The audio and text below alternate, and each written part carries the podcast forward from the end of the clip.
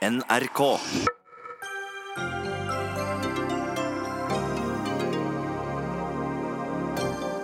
En selvfølge at eldre skal få lov til å tilbringe hele livet sammen, sier Frp, som innfører samboergaranti på sykehjem. Uforsvarlig, svarer Arbeiderpartiet, som er bekymret for at det ikke blir plass nok til alle som trenger det. Kirken skal snakke mer om sex, har Kirkemøtet vedtatt. Motstanderne advarer mot grenseløshet. Vi forsøker å finne grensen her i Dagsnytt 18. Dyrevernsorganisasjonen Anima går i en annonsekampanje ut mot Coops bruk av egg fra burhøns. Det er en svertekampanje med faktafeil, sier Coop, som er eneste kjede som fortsatt bruker egg fra burhøns. Og det kan bli mulig å tape eller vinne enda mer penger på travbanen hvis deler av Frp får viljen sin. De ønsker å åpne for kasino i tillegg. Det er lite gjennomtenkt, sier lederen i Norsk forening for spillproblematikk.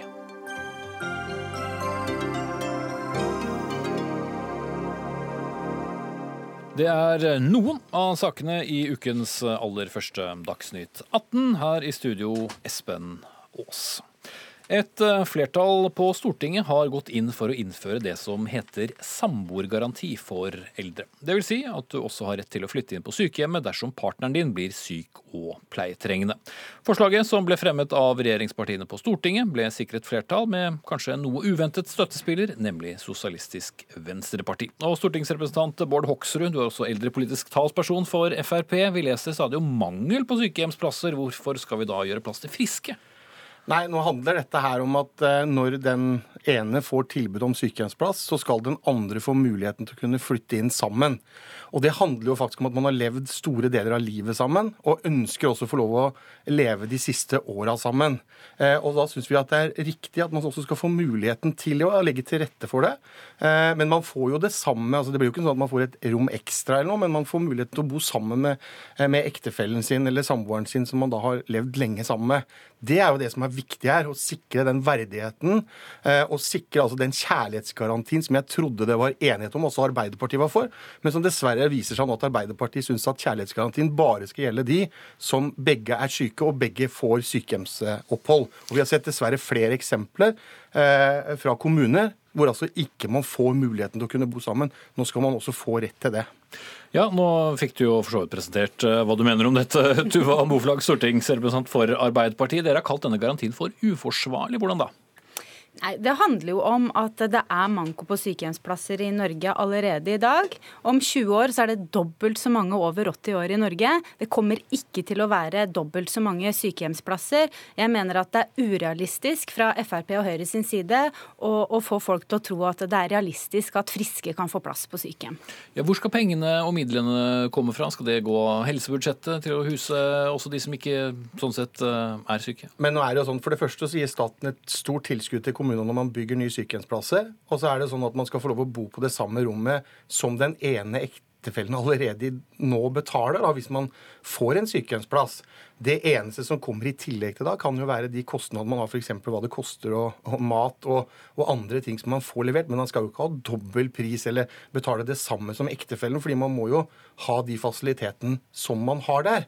Og det er jo det dette handler om. Men det må jo bli dyrere hvis eh, du skal bo to og ikke én? Nei, veldig lite. Og det blir i hvert fall ikke sånn som noen prøver å late som. Men jeg syns det som er trist, er jo at Arbeiderpartiet gikk høyt på banen, og de lova kjærlighetsgaranti, de lover samboergaranti, men det viser seg altså at det eneste som skulle få lov til det, og som skulle få den kjærligheten og få den garantien, det var de hvor begge to trengte sykehjemsplass. Da ville man jo være på sykehjemmet uansett. Det er jo ikke en skikkelig, ordentlig eh, garanti som sikrer at mennesker skal få lov å bo sammen. Og det er jo det dette handler om. var det en garanti med, med, med noe med liten skrift under?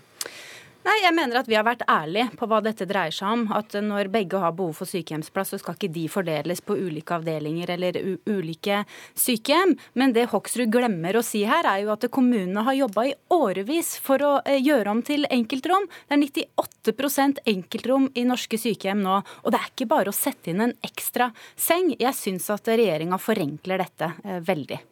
Det, det er jo det som er litt Jeg, jeg skjønner Tuva Moflag har vært ordfører, og jeg skjønner at du tar på seg ordførerbrillene og bare ser problemene. Jeg skulle gjerne sett at man var litt mer framoverlent, så mulighetene dette gir. Tenk også, dette er en Jo, men den frisk- utfordringen, Jo, at det er så men- mange enkeltrom, Jo, jo, hva skal gjøre? Skal de bare bo litt trangere, eller hvordan skal dette Poeng- ja, praktisk Poenget er at fungere? du får jo i tilfelle det rommet som den eh, ektefellen din får. Det er det rommet man eh, må bo på. Men så er det også sånn, se muligheten. Og dette en, kan da være i noen tilfeller en frisk person. Som faktisk kan være en kjemperessurs både for ektefellen sin, trygghet for ektefellen sin, og kan også være en ressurs for resten av de andre som bor på avdelingen. Man må ikke se på dette som et problem. Dette er jo en kjempemulighet. Men det som er synd, og jeg syns ikke Arbeiderpartiet har vært eh, real i den saken her, fordi vi har altså fremma dette forslaget i mange kommunestyrer rundt omkring i, landet. I ni kommunestyrer så har Arbeiderpartiet sagt, sagt nei til en samboergaranti. Både denne og den samboergarantien Arbeiderpartiet sier at de er for. Så det viser at Arbeiderpartiet vil egentlig ikke gi en samboergaranti, eller bedre en kjærlighetsgaranti som skal sikre at eldre også skal kunne få lov å bo sammen. eh, Selv om den ene må være på sykehjem. Men eh, siden dere har så stort engasjement for dette begge to, altså hvor mange er det egentlig snakk om? Vi vet ikke hvor mange dette blir, og jeg tror ikke det blir så veldig mange. Men vi har sett eksempler, og vi har sett noen kommuner som har vært rigide og ikke har ønska å legge til rette for det. Mens jeg har vært rundt og besøkt andre kommuner. Jeg var i Audnedal for kort tid siden, og de sier vi har ennå til gode og ikke klarer å fikse gode løsninger for de som trenger det. Så det fins kommuner her som er offensive, som klarer å gjøre dette.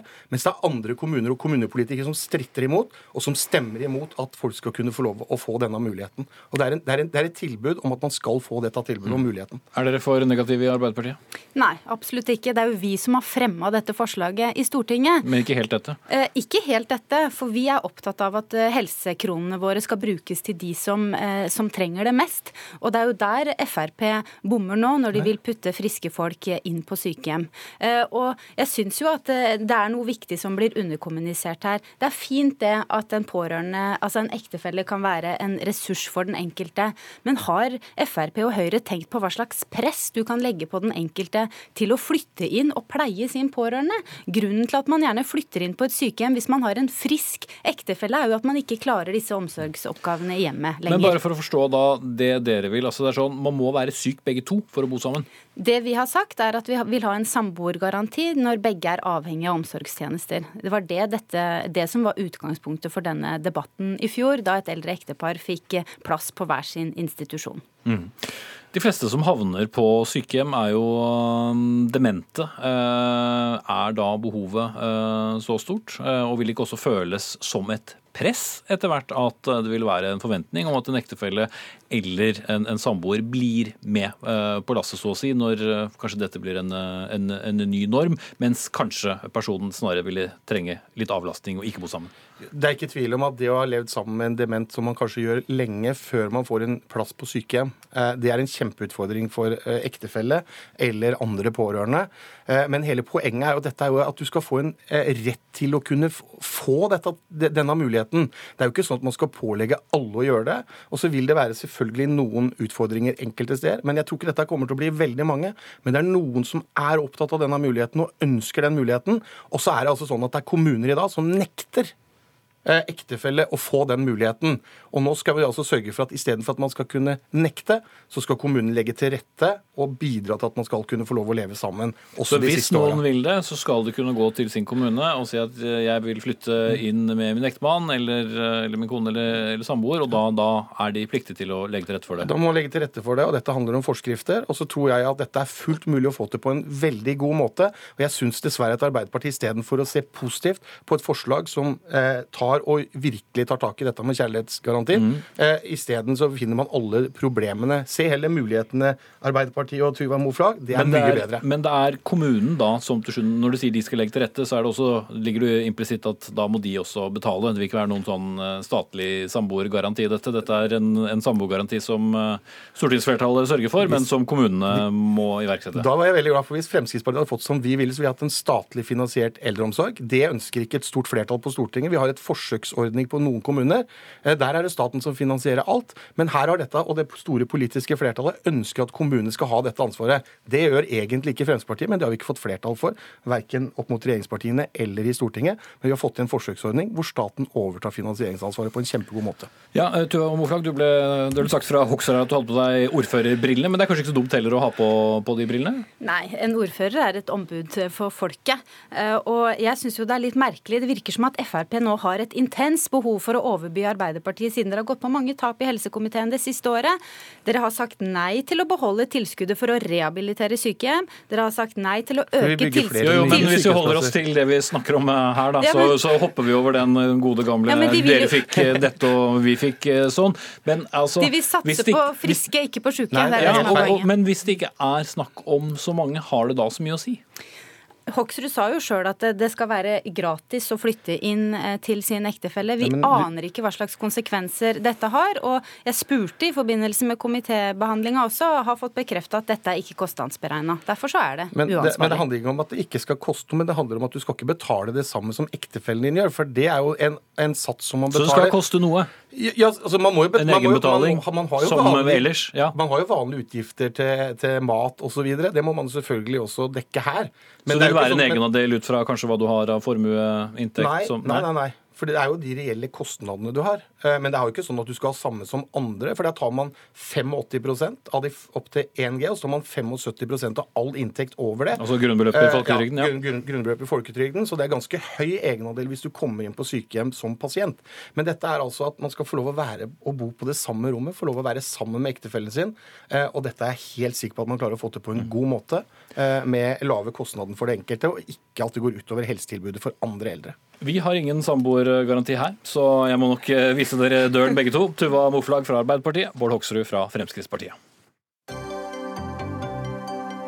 Dagsnytt 18 alle hverdager klokka 18.00 på NRK P2 og NRK2.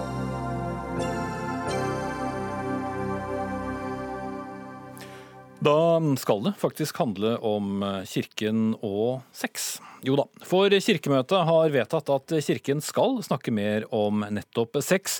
Eller som det heter ordrett på kirkespråket, og jeg siterer, kyrkja skal fremje samtaler og språk om grenser, makt og seksualitet. Dette står nå i kirkens visjonsdokument. Noe av bakteppet kunne vi lese om i Klassekampen i dag, nemlig et forslag som kom om å få seksualundervisningen inn i konfirmasjonsopplæringen. Men det var et forslag som ikke fikk flertall. Therese Utgård, du er medlem av Møre bispedømmeråd, innvalgt fra, eller for, om du vil, Åpen folkekirke. Det var du som kom med dette forslaget om å få seksualundervisningen inn i konfirmasjonsopplæringen. Hvorfor mente du det var viktig?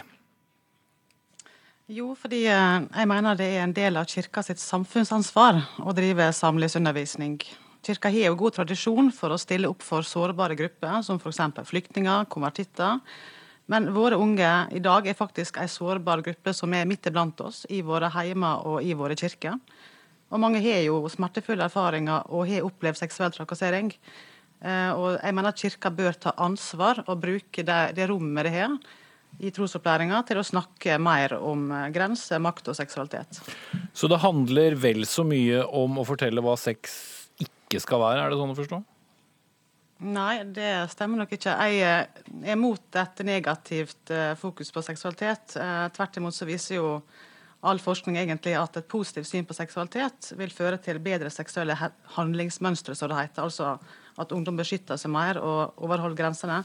Men det jeg, det jeg syns som lege og som privatperson, er at ungdom i dag kan mangle et språk for å snakke om grenser og seksualitet. Det er en for liten bevissthet og om grensene. Jeg har jo dessverre opplevd å måtte forklare unge jenter at det de har opplevd og klager på, det er et overgrep. Og de har ikke visst det sjøl engang. Det er en veldig trist erfaring. Um, og jeg mener derfor at ungdom må få en bedre forståelse og bevissthet for grenser og egen kropp og for menneskeverd. Og det her går jo egentlig midt i kirka sitt budskap.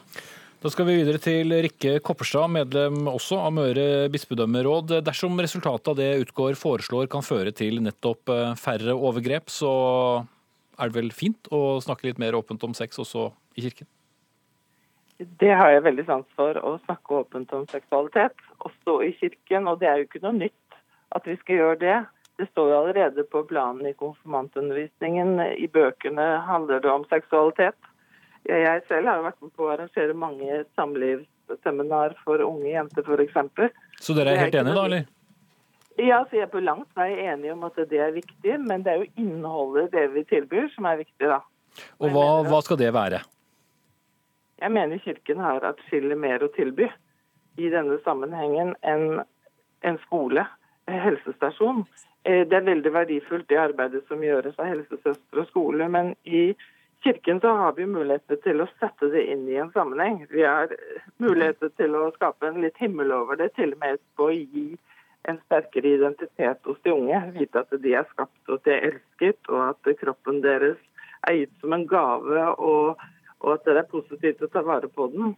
Vi har det aspektet med tilgivelse for de som har vært med på ting som de angrer på. Vi har det aspektet med rett og slett en dyp legedom for de som eh, er knust enten av eh, overgrep eller manglende grenser selv. Så jeg syns temaet er aktuelt. Og jeg spurte nettopp en ung eh, jentegruppe som jeg er ansvarlig for, om hva de tenkte om metoo-kampanjen. Og de hadde aldri hørt om den. Det var jeg overrasket over. Mm. Men Therese Utgård, hva, hva syns du da mangler i, i det som Kopstad sier her? Altså, i, I kirka generelt så gjøres det jo mye godt. Eh, vi har jo Kirkens ressurssenter f.eks. Eh, mot vold og overgrep. Og mange prester og trosopplærere er flinke å snakke om det her og bygge det inn i en kristen kontekst. Men jeg tror også at det er litt berøringsangst i kirka. Mange mm -hmm. plasser er det det. For å snakke om seksualitet. Det har kanskje noe med den debatten som har vært om likekjønna vigsel der det jo er stor uenighet. Um, Men enda mange... litt mer konkret, for det er litt vanskelig å forstå mm. hvorvidt dere er uenig eller enig. Altså, Hvis du skal være veldig konkret, hva er det som ikke snakkes om i dag, som burde snakkes om? Det snakkes for lite om, eh, om, kropp, om respekt og om seksualitet. Eh, det er for mye fokus på eh, kanskje kristendomskunnskap i et veldig sånn snevert snevert måte. Men jeg mener jo at dette her med kropp kan en jo bake inn, altså med, med god grunn bake inn i det kristne synet på menneskeverd. Mm, ja, Så, fortsatt hvor, hvor sånn litt, meg, litt rent konkrete. Skal det være, skal det være altså hvor, hvor, konkret skal man gå? Skal det være et, eh, som et alternativ til det som er seksualundervisning i skolen? Skal det handle om forplantning? Altså, uh, vær konkret med eksempler. Jeg skal jo ikke si hva prestene og trosopplærerne skal gjøre. Eh, og I skolen bør det jo også eh, jobbes for bedre seksualundervisning. Mitt anliggende er ikke å ha en sånn biomekanisk forståelse av seksualundervisning som beskytter mot klamydia eller 'slik blir du ikke gravid'. Eh, jeg vil ha mer snakk om grenser og makt og seksualitet for å forebygge overgrep. Det Men du er... sier det på en positiv måte, og da kan det ikke være ja. en pekefinger. så da, Det er derfor jeg prøver å komme litt nærmere hva, hva det ville bety. Skal man, være, skal man snakke om sex som, som, noe man skal dyrke mer, eller hva, hva, ønsker du? Det er ikke spørsmålet. Jeg tror nok at kirka ofte, eller mange, kan kanskje falle i den, i den grøfta at en snakker om sex som at det er noe du skal vente med til ekteskapet. Eh, og så er det mange som snakker også om likekjønna vigsel, f.eks. For, for eller imot. Eh, og da er jo tingen det at da snakker en for lite om det en burde snakke om, ifølge meg. Altså En burde snakke mer om grenser, om seksualitet, om kropp. At du har eierskap til din egen kropp. At du har rett til å si fra hvis du føler deg krenka. Og jeg vil jo at Kirka skal være med å kanskje endre ungdomskulturen litt, slik at ungdommer har språk og forståelse for hva et overgrep er, hva er grenser, hva er greit, hva er ikke greit. Mm. Og Mange får jo sin samlingsundervisning i dag fra pornoen, og det er jo ikke noe bra. Ja, Rikke Kopperstad, er det noe, altså kan man snakke også for mye om, om, sex? Vi vet jo at det har vært kontroverser selvfølgelig innad i, i kirken eh, tidligere, som vi har vært innpå her, med, med homofili osv. Hvor, hvor bør grensen gå? Nei, jeg tror utgangspunktet vi kan snakke om alt. Og jeg syns det er viktig. Jeg har ofte en spørsmålskasse når jeg jobber med ungdom i forhold til disse tingene, og da spør de om det meste. Det er en del tabutemaer som man ellers ikke snakker om, som jeg syns man med frimodighet kan snakke om nettopp i kirken og i kristne sammenhenger. F.eks. hva påvirker vår seksualitet? Hva er det vi opplever i livet som kan påvirke vår identitet og vår seksualitet? Eh, Det er det jo nesten ingen som snakker om, og det ønsker jeg å tilegne meg kompetanse på. Jeg er opptatt av temaet, og det er fint å snakke med ungdom også om det. Så mindre, mindre bluferdighet, mer åpenhet. Ja, å snakke om de tingene på en OK måte. Det finnes gode bøker, det finnes gode filmer som utgangspunkt for samtale. Um, så det kan gjøres absolutt på en skikkelig måte. Eh, hva er eh, grenseløs seksualitet? Hvordan definerer du definere det? Jeg ser en tendens i mye, eh, mye ideologi i dag som eh, i utgangspunktet sier de er opptatt av grenser, men så er eneste premiss frivillighet. Altså eh, har du lyst, har du lov-prinsippet. Det rimer ikke med kristen seksualetikk, og jeg tror heller ikke det er godt for ungdommers psykiske helse. Jeg er veldig opptatt av psykisk helse blant ungdom, og jeg tenker at seksualitet og psykisk helse det hører sammen. Jeg ser veldig mange ungdommer som, som eksperimenterer. Eh, og det skaper eh, sår i sjelen. Så man skal ikke eksperimentere for mye? Nei, prøve, skal prøve seg fram og eh, skal finne ut av ting uten å være trygg på at det går an å sette grenser. At det går an å være trygg på å stå imot presset og den lønnen løgnen hvor man tror at alle andre gjør det, ikke sant. Eh, Så det er veldig mye vi kan styrke ungdom på. Og bli trygge på hvor grensene går for deres egen del. Eh, Therese Utgaard, eh, til slutt. eh, Hvor langt er dere egentlig unna hverandre? Eh, Vi er nok ikke uenige i at en bør snakke mer om seksualitet, men eh, jeg tror nok det med spørsmålet om seksuell orientering, der er vi nok ganske uenige. Eh, Og jeg vil jo ikke ha et Jeg har ikke lyst til å ha så mye fokus på det negative ved seksualiteten, eller på avholdenhet, eller på sex i ekteskapet eller utenfor ekteskapet. Jeg vil fremme et positivt syn på seksualitet, eh, og det er jo også fremmende for den enkelte og vil føre til at grensene og bevisstheten om ens egne grenser vil bli styrka. Og det vil føre til en bedre kultur med forebygging av overgrep. Så um, det er viktig hvordan en snakker om det også. Da setter vi et eh, dydig punktum eh, her. Therese Utgaard, medlem av Møre bispedømmerdømmeråd, og også Rikke Kopperstad, medlem av samme råd.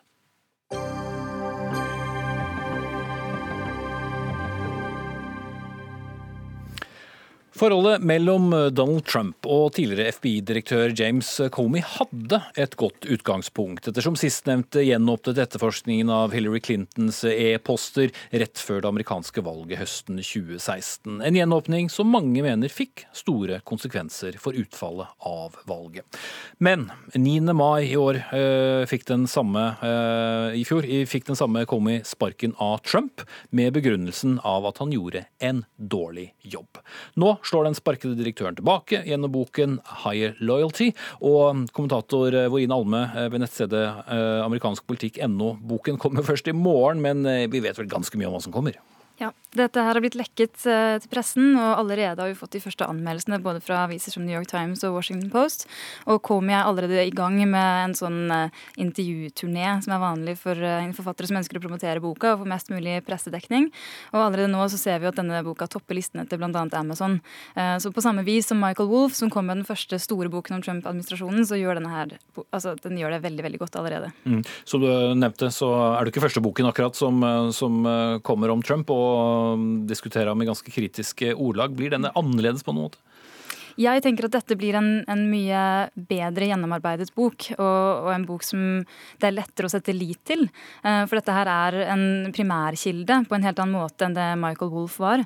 Eh, Samtidig så, så er det noen uheldige likhetstrekk, tenker jeg, som jeg allerede ser i visse utdrag, og det er denne viljen til å være vulgær eller nedverdige seg i beskrivelsene sine, og blant annet da ta for seg eh, utseende, ekteskapsrykter, alt mulig som kanskje ikke ellers ville vært inkludert i en sånn bok. Og så er jo da Komi's argument at han som observatør ikke utelater noe, og at alt er relevant. Ja, USA-korrespondent eh, Tove Bjørgaas eh, med oss direkte fra, fra Washington. Comey har jo, eh, som vi var inne på her, ikke akkurat spart på konfekten i de intervjuene, eller særlig det ABC-intervjuet som han har gitt i forkant her. Nei, det er helt riktig. Og det, er altså så mye detaljer som kommer ut eh, i denne boka. Både fra møtene Trump eh, og Comey hadde på, på tomannshånd. Eh, og han tok også nitidige notater fra alle disse møtene, så derfor er det veldig detaljert. Og i tillegg til dette så er det også detaljer, alle mulige detaljer fra dette veldig omstridte notatet som folk tilknyttet og sympatiserende med Clinton-kampanjen bestilte fra en tidligere britisk etterretningsagent, Christopher Steele, dere husker kanskje han, om hva som skjedde på et hotellrom, og skal ha skjedd, i Moskva i 2013, der Trump skal ha vært med prostituerte, ifølge dette notatet. Og her er alle detaljer ute i boka og i disse intervjuene. Så Komi sparer ikke på, på noen ting her. Uh, Vårin Alme, altså, dette er en tidligere FBI- eller FBI-direktør. Uh, mange er kanskje overrasket over ordbruken, og for så vidt ordbruken han har fått tilbake, som muligens ikke er like overraskende. Mm. Ja, altså Dette her er eh, helt ekstraordinært. Altså En tidligere FBI-sjef går da ut og såpass krast mot en sittende president eh, med da en sånn gravalvorlig advarsel om at han er en fare for landet, og at han er moralsk uegnet som president, med da eh, en bok som underbygger mye av de verste ryktene vi har hørt om Trump, som da fungerer som en slags bekreftelse på disse tingene her. Men James Comey er jo en kontroversiell skikkelse og en særegen karakter som er lett å mislike på begge sider av partigrensene. Og, og han har jo også uh, vist tidligere at han ikke er redd for å uh, sky banen for å ta politiske valg. Og det er jo noe av det som setter ham da i, i en særegen posisjon, og som, som, gjør denne boken også ekstremt interessant, i og med at han var en viktig spiller i valgkampen 2016. Mm. Uh, Tove, hvor mye vet vi egentlig om dette forholdet mellom de to som, som ble så fryktelig uh, dårlig eh, etter hvert? Det var jo eh, ekstremt kaldt med det mellom dem da eh, Comey til slutt måtte gå. Altså, vi vet jo mye fordi de begge har fortalt. og eh, altså, det, Dette er jo to såkalte oversized personalities, som du sier på amerikansk. altså de, Tommy er jo også en type som deler alt dette. Og da han altså ble sparket på TV Han fikk jo ikke engang vite at han hadde fått sparken, han så det på en TV-skjerm i Los Angeles så han, slår han nå tilbake med alle detaljene mot Trump. Og han forteller jo da, som jeg snakker om fra disse notatene sine, alt som skjedde når han ble holdt igjen bl.a. Eh, på et møte i Det hvite hus, og Trump ba ham om lojalitet, ifølge Comey, eh, og også ba ham å droppe denne russlandsetterforskningen. Eh, og Trump har jo slått tilbake nå med tweeter hvor han sier at Comey er kriminell, at han bør i fengsel, at han har løyet til Kongressen, og at han er en slimklyse har han faktisk skrevet nå to eller tre ganger på Twitter. Så dette er jo selvfølgelig ikke De sier kanskje ikke så mye om eh, altså, hvordan forholdet mellom de to er, men godt er det i alle fall ikke. Eh, men så er det også viktig her å ta, eh, altså som våre navne er inne på, James Comey er ingen ukontroversiell figur. I konservative medier i dag så skrives det at denne boka er som et opphørssalg. Altså Han skal nå tjene mest mulig penger på å fortelle denne historien. Et annet spørsmål er jo bør han gå ut med alle disse detaljene. Men Komi vet jo eh, med lang fartstid fra Justisdepartementet hva man har lov til å gå ut med. Så jeg går ut fra at det er innafor. Men, men, det er klart at dette her eh, er jo bare en del av den polariseringen også som vi ser reaksjonene på intervjuet og på boka. Han var jo ikke særlig høyt oppe på julekortlistene til Demokratene etter valget. Alme, ble han mer spiselig hos eh, de nå? Han var jo selv erklært republikaner tidligere, men har, har gått bort, bort fra det.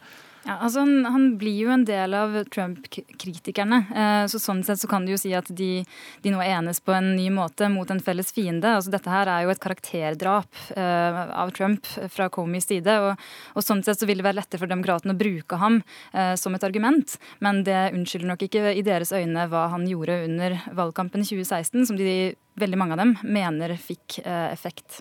Men bryr folk seg om det? Altså, Så lenge Trump har vært president, så har det jo haglet med um, ukvemsord om hvor dum han er og hvor mye galt uh, han gjør. Men uh, han er og blir president. Ja vel, det er en tidligere FBI-topp, men som du sier, en kontroversiell en. Ja, og, og her i altså denne boken så kommer det ikke veldig mye nytt, men det eh, som effekten eventuelt, eventuelt, kan bli, er at dette er blitt avfeid som falske nyheter og som, som sladder før, eh, men som nå kanskje kan få mer eh, tyngde. Også da blant eh, moderate replikanere som kanskje er lei av eh, alt dette som stormer rundt Trump. Og, og, det er et mellomvalg som kommer nå til høsten som, kan, eh, som dette kan virke inn på. så det er ikke bare å avfeie det, selv om tidligere lignende ting har prellet av på Trump.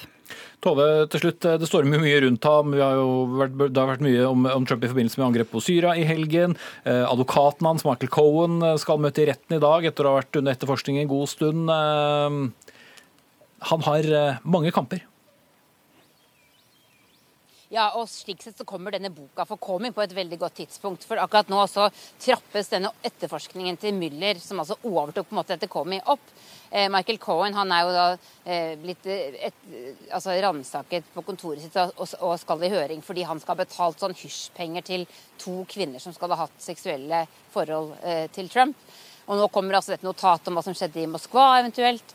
Eh, så alle de snacksy detaljene som også handler om Trumps eh, personlige, ja, vanskelige sider blir nå løftet fram i lyset midt oppi alt det andre som skjer i Syria og i det hele tatt. Så, så jeg tror at eh, i de månedene som kommer nå, så vil nok eh, denne etterforskningen for, eh, av hva som skjedde før valget og, og, alt det som Trump har gjort, snevre seg eh, veldig inn. Så får vi se hvilken effekt det får frem mot valget til høsten. Det vi faktisk har sett nå de siste dagene, er at Trump øker litt på popularitetsratingene.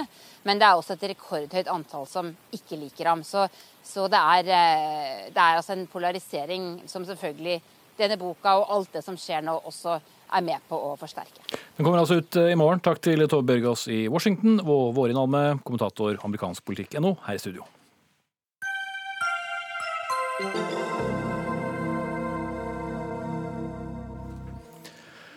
Partiet Venstre ønsker eh, pliktig fremmøte på helsestasjoner. I en uttalelse på helgens landsmøte heter det at partiet ønsker citat, 'obligatorisk oppmøte for foreldre på helsestasjoner til oppfølgingsmøter i barnehager og på skoler'.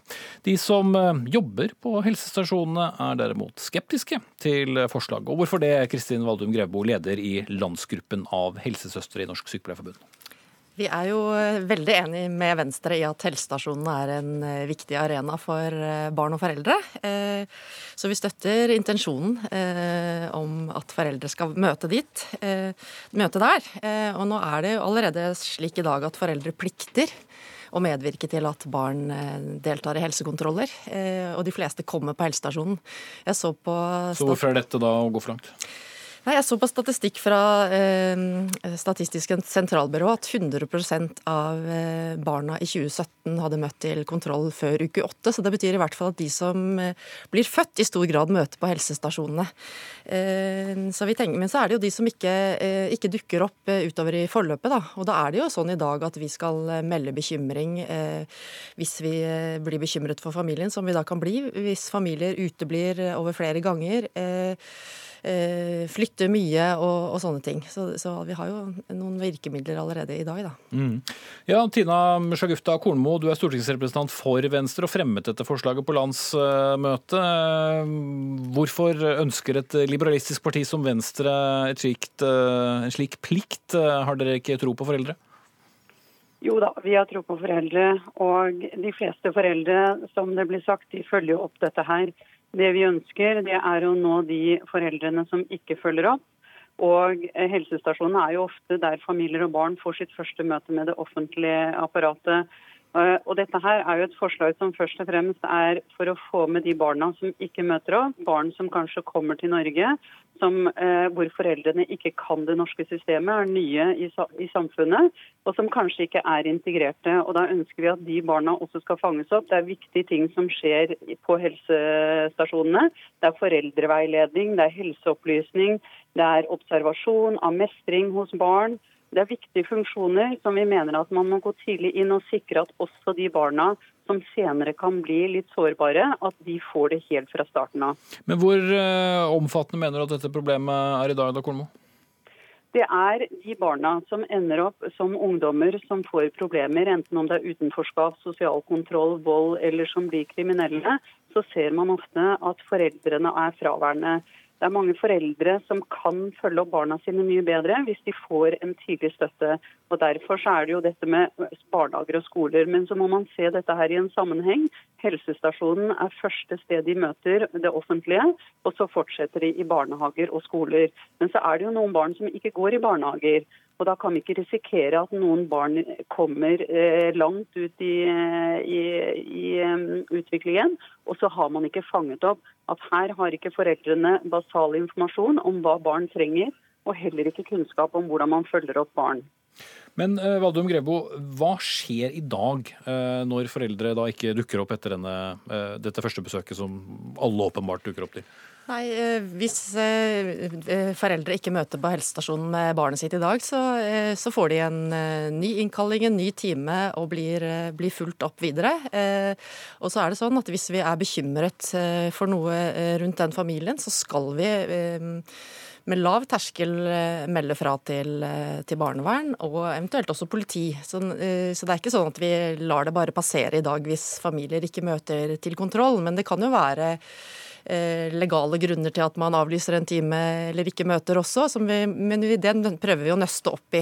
Men så er jeg enig med, enig med Venstre i disse tilflyttede barna som kommer underveis, at de kan være vanskelig å få tak i, som kommer fra andre land og kanskje kommer Eh, litt ute i barnealderen og dermed ikke har eh, kommet inn i systemene. Men da er det jo viktig at eh, samarbeidspartnere som Nav, fastleger og andre som møter disse familiene, forteller om tilbudet ved helsestasjonene. Da, og sånn at vi får tak, i, får tak i dem og får dem inn i Men er ikke dette en gavepakke, da? Så er det enda mer system? Jo, vi bare liker ikke den, det at det skal være en, en tvang. For det er jo noen få som velger å gjennomføre helsekontrollene et annet sted enn på helsestasjonene. Eh, da ønsker vi at det skal være sånn at man må dokumentere det, eh, sånn at vi er sikre på at de reelt sett får de eh, kontrollene de har, som foreldrene har plikt til å medvirke til at barna får. Så det vil vi at skal, at skal dokumenteres. Men, men at, skal, at, det skal være en tvang å ha konsultasjonene på helsestasjonene når vi ser at tilbudet blir brukt i så stor grad i dag, at det er et, et tilbud basert på tillit, som befolkningen i stor grad bruker. Da så, så mener ikke vi at det, er, at det er der problemet ligger i dag. Det handler om eh, kommunikasjon mellom nivåer og det å få tak i de, eh, de nye familiene og passe på eh, de som ikke møter og ha god oppfølging av dem. Men hvordan har dere tenkt å håndheve dette her da, Kornmo? Nei, eh, det er jo nettopp for å sikre at man fanger opp alle de barna som virkelig trenger det, at man tenker at det bør være obligatorisk. Og jeg syns det blir helt feil å bruke ordet tvang. Dette her er jo eh, Grunnen til at jeg ønsker at det skal være obligatorisk, er for at man skal fange opp disse foreldrene, sånn at man kan gi dem støtte og veiledning, så de kan ta bedre vare på barna sine. Det er ikke snakk om sanksjoner i disse tilfellene, det er bare snakk om at man tidlig da skal kunne gå inn, følge opp familien, være på hjemmebesøk, se hva behovene er, og sette sette tiltak som støtter de behovene som familien trenger. Men hva er det som ikke fungerer i dag? Det er det jeg ikke får helt taket på. Det er at man ikke får tak i dem. Fordi Når dette her er et frivillig tilbud, så føles det ikke forpliktende for kanskje nye, nyankomne. Og Hvis det er et obligatorisk satt i system, så vil det være mye enklere for dem å bare gjøre det som en rutine og møte opp. Og da vil de forstå også nytten av dette her. Så det er det du kaller nyankomne, altså nyinnflyttede landet som ikke kjenner systemet, som egentlig er de dere er på jakt etter? eller som også har vært i landet eh, en stund, men som lever på siden av samfunnet, som ikke har så god kontakt med lokalmiljøet eller miljøet rundt seg så handler det om å hente disse inn til disse eh, institusjonene eller helsestasjonen for å gi de foreldreveiledning i hvordan man oppdrar barn, i hva som er lov og ikke lov, hvordan man skal forholde seg til grensesetting, hvordan man skal eh, eh forstå foreldrerollen, hvordan forventningene er fra samfunnet eh, i forhold til å utøve tvang mot barn, og hvordan følge opp barn. Eh, det er mange ting som skjer i møte både på helsestasjonene, barnehagen og skolen. Og det å sette, det gjør det litt mer forpliktende. Det tror jeg er viktig for disse barna. Ja, vi er jo enig i, i, intensjonen med helsestasjonen og hvorfor det er viktig at, eh, at disse familiene eh, kommer og at vi har kontakt med dem.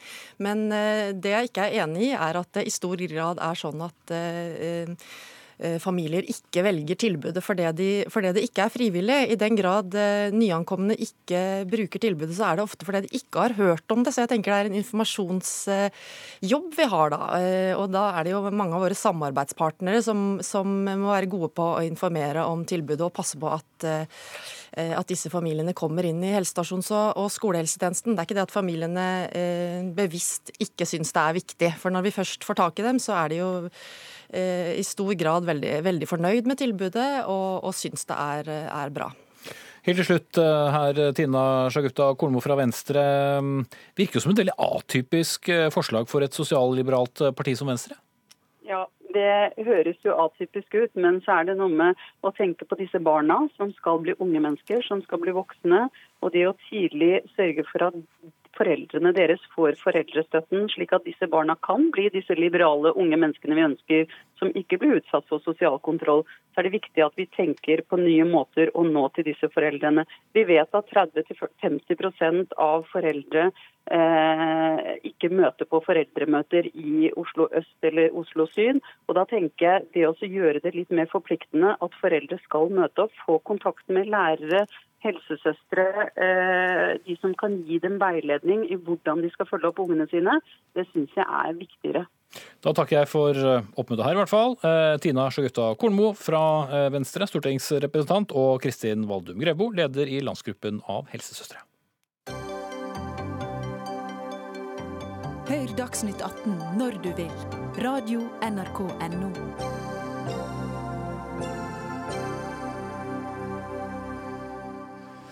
Da skal det handle om eh, helt andre ting. Coops høner sitter 400 dager i bur for eh, billige egg. I en annonsekampanje i helgen går eh, dyrevernorganisasjonen Anima hardt ut mot matvarekjedens bruk av egg fra burhøns. De mener Coop må slutte å selge egg fra høner som sitter innesperret hele livet, og oppfordrer kundene til å si klart ifra. Og Knut Lutnes, miljøsjef i Coop Norge, hva syns dere om denne hjelpen i arbeidet?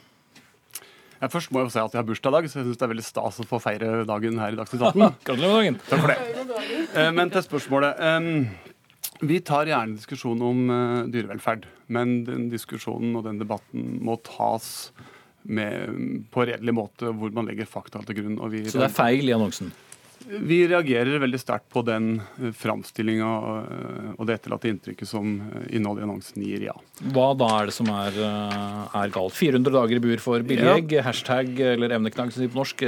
Litt dritt, unnskyld språket, men det er det som står her. ja. Nei, høna Solveig vil jo Animat skal slippes ut av buret. Og hvis du slipper den ut av buret, så havner den jo fortsatt innendørs sjøl om den blir gående fritt. Så eh, inntrykket av at frittgående høns får se sola og trekke frisk luft, som Anima eh, sier, det er jo feil. Eh, frittgående høns i Norge går innendørs.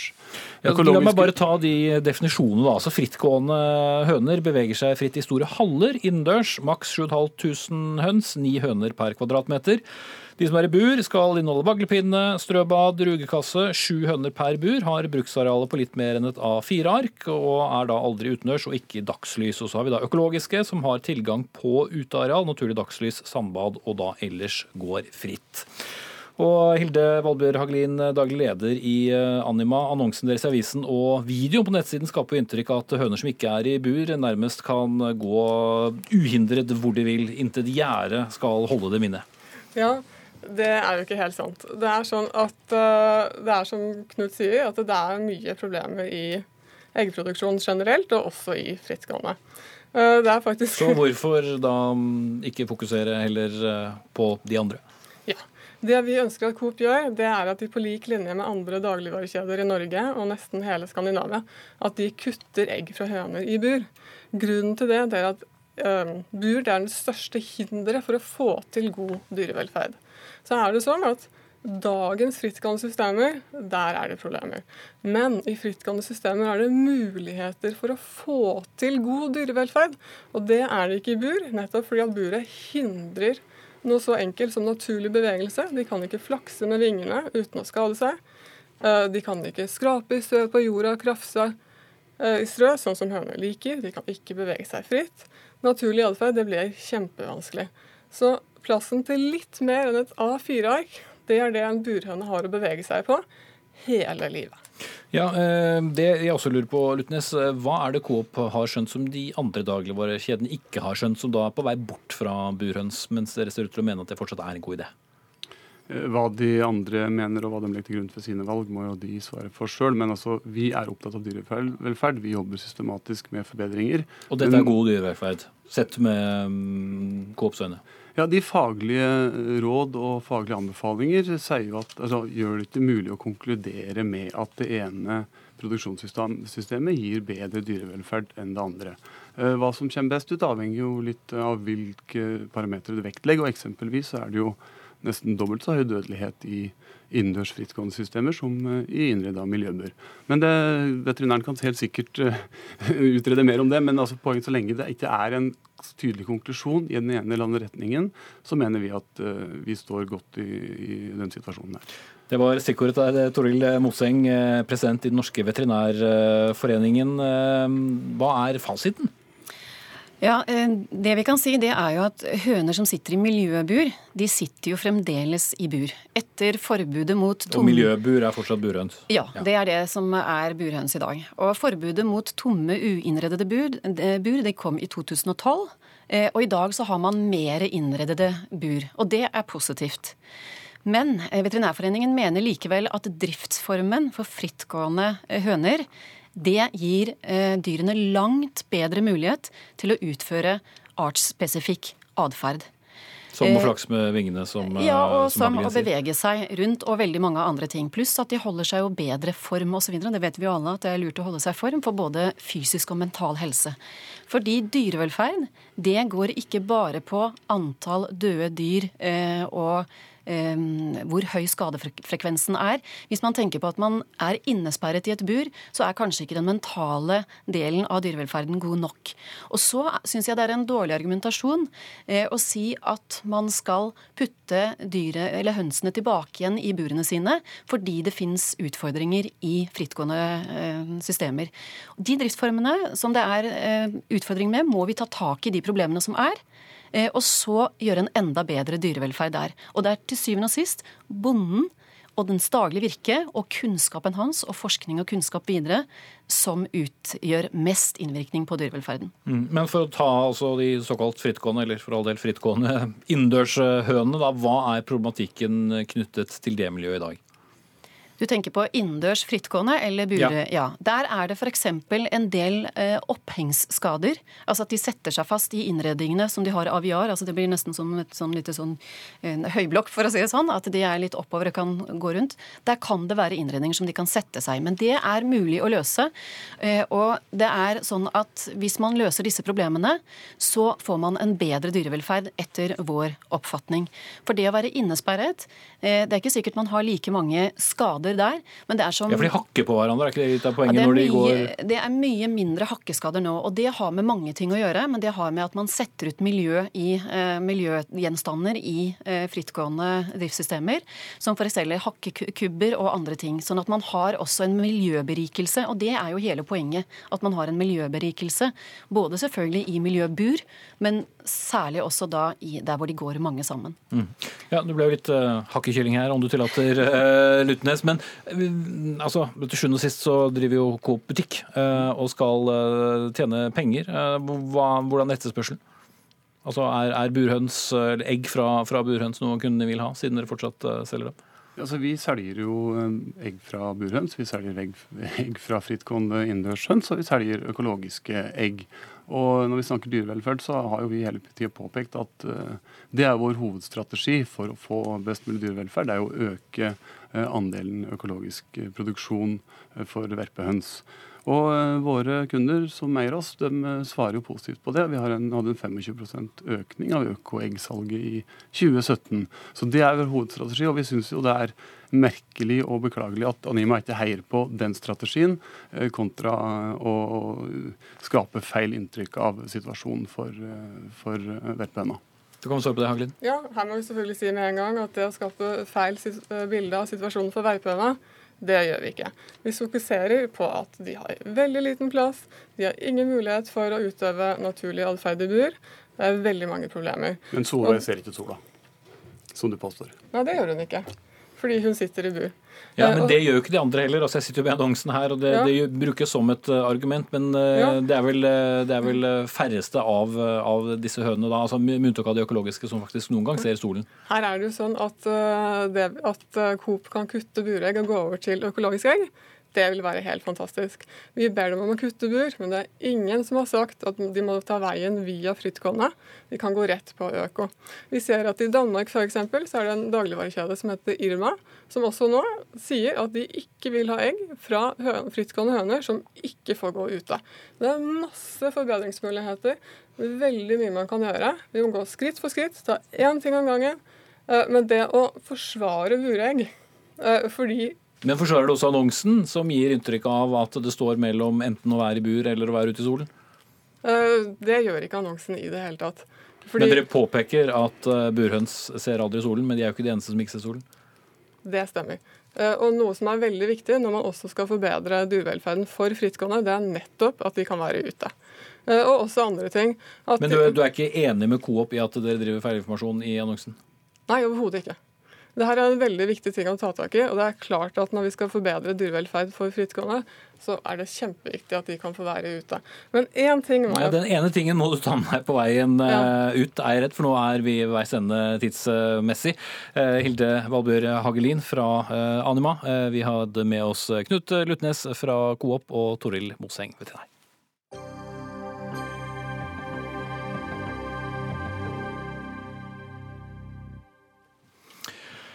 Hvis du først skal eh, spille bort noen penger på travbanen, kan du kanskje få muligheten til å spille bort noen flere. For eh, Fremskrittspartiet vil eh, åpne opp for kasinodrift på norske travbaner, eh, hvor det vil være lovlig å spille poker og andre kortspill lovlig.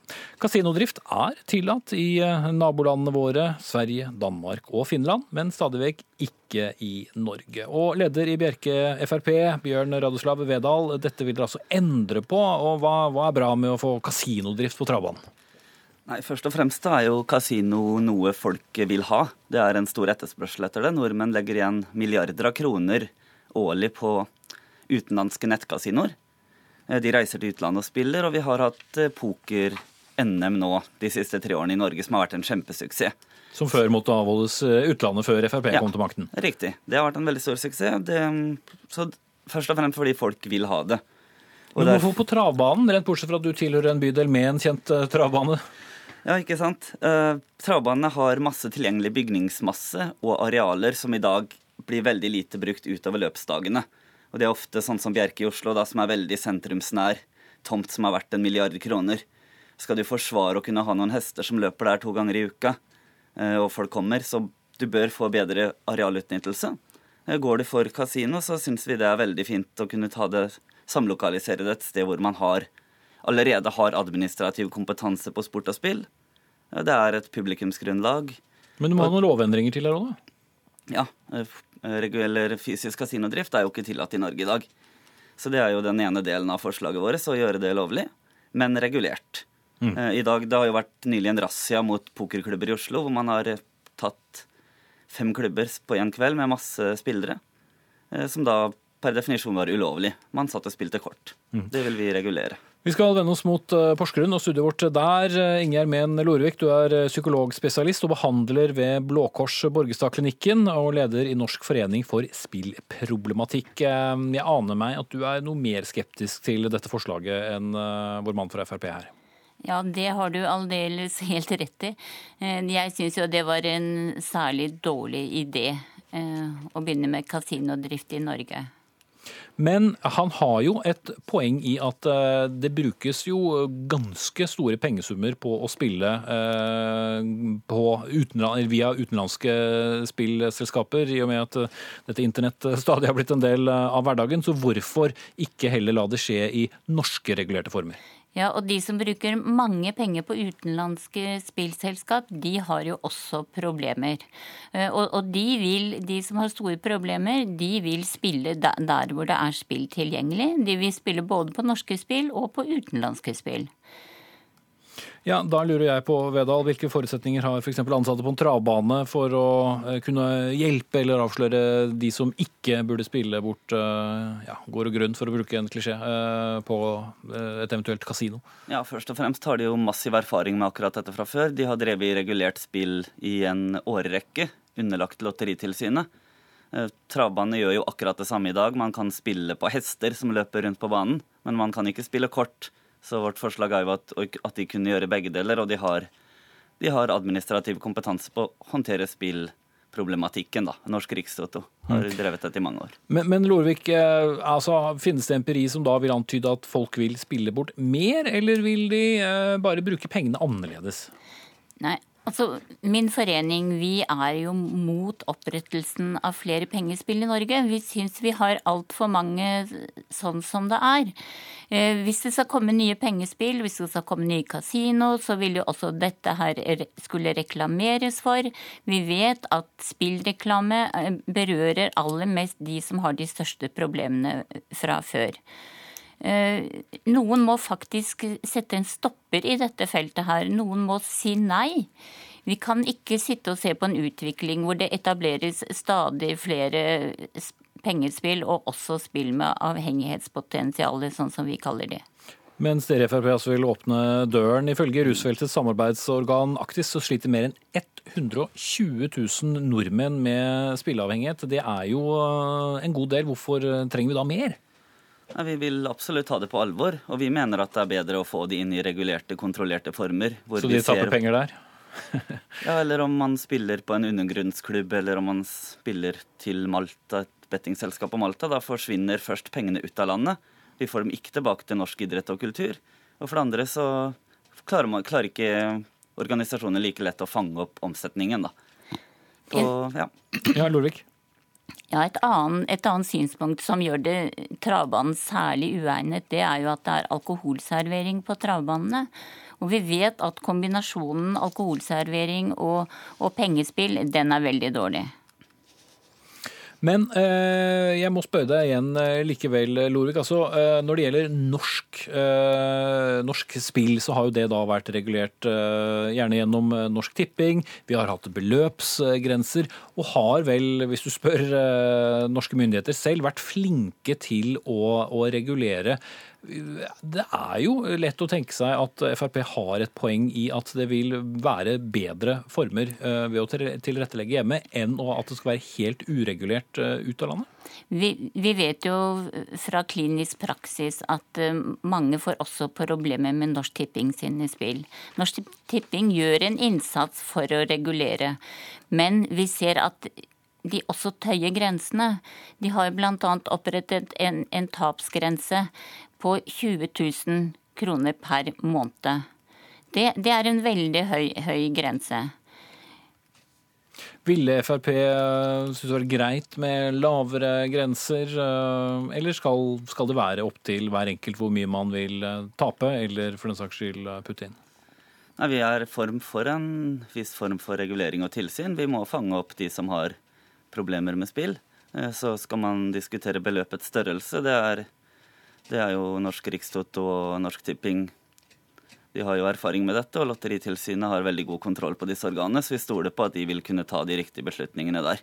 Men det kan vel også bli kanskje at en grense er for lav, og at du da vil styre trafikken, hvis jeg forstår argumentasjonen din riktig hele veien, da, ut av landet igjen. Hvis øh, det blir for lave summer. Det er klart det skal. Det er en, det er en etterspørsel til spill. Og ja, pengespill, hesteløp, kasinospill. Det er folk syns det er underholdende, det er folk vil ha det. Og ja, hvis man ikke får det man vil ha her, så forsvinner det ut av landet. Ja, Lorvik, det må jo, du som har sett mye på dette, altså hvordan klarer man å trekke opp en, en slags uh, grense? Fordi det er jo riktig at det er en, en, appetitt for spill. Noen liker å spille, så er det noen som har en litt for stor appetitt, åpenbart. Men på, du finner alltid et sted hvor du kan søle bort pengene hvis du først vil det. Enten i regulerte former eller en undergrunnsklubb eller utenlands. Ja, vi, vi vet jo det at, eh, at spill er svært problematisk for, sånn som det er nevnt, over 120 000. Og det er jo slett ikke problematisk bare for den som spiller, men også for hele familien. Og vi kan regne med at rundt hver som har et spilleproblem, så står det fire-fem andre personer som også har et stort økonomisk problem, og hvor familie faktisk går til grunne. Vi kan ikke se at det har noen hensikt å innføre nye pengespill og enda flere pengespill enn de vi allerede har, som også det da skal reklameres for. Da skal du få siste ord, Bjørn Radoslav Vedal fra eh, Fremskrittspartiet. Statlig styrt kasino. Det er lett å tenke seg at det blir en større aksept for spilling? Du kan si Det har fungert veldig godt i Sverige, Danmark, Finland, Tyskland. Alle våre naboland gjør dette med hell. Og jeg tror også at vi i Norge kunne fått det til på en veldig god og trygg og regulert måte. Uten at det ville på noen som helst måte tatt av eller blitt uansvarlig. Takk skal du ha, og takk til Ingjerd Mehn eh, Lorvik. Det ble siste runde, det, i Dagsnytt 18. Ansvarlig for eh, sendingen Arnhild eh, Myklebust. Erik Sandbråten tok seg av det tekniske. Og her i studio satt Espen Aas. Vi ses.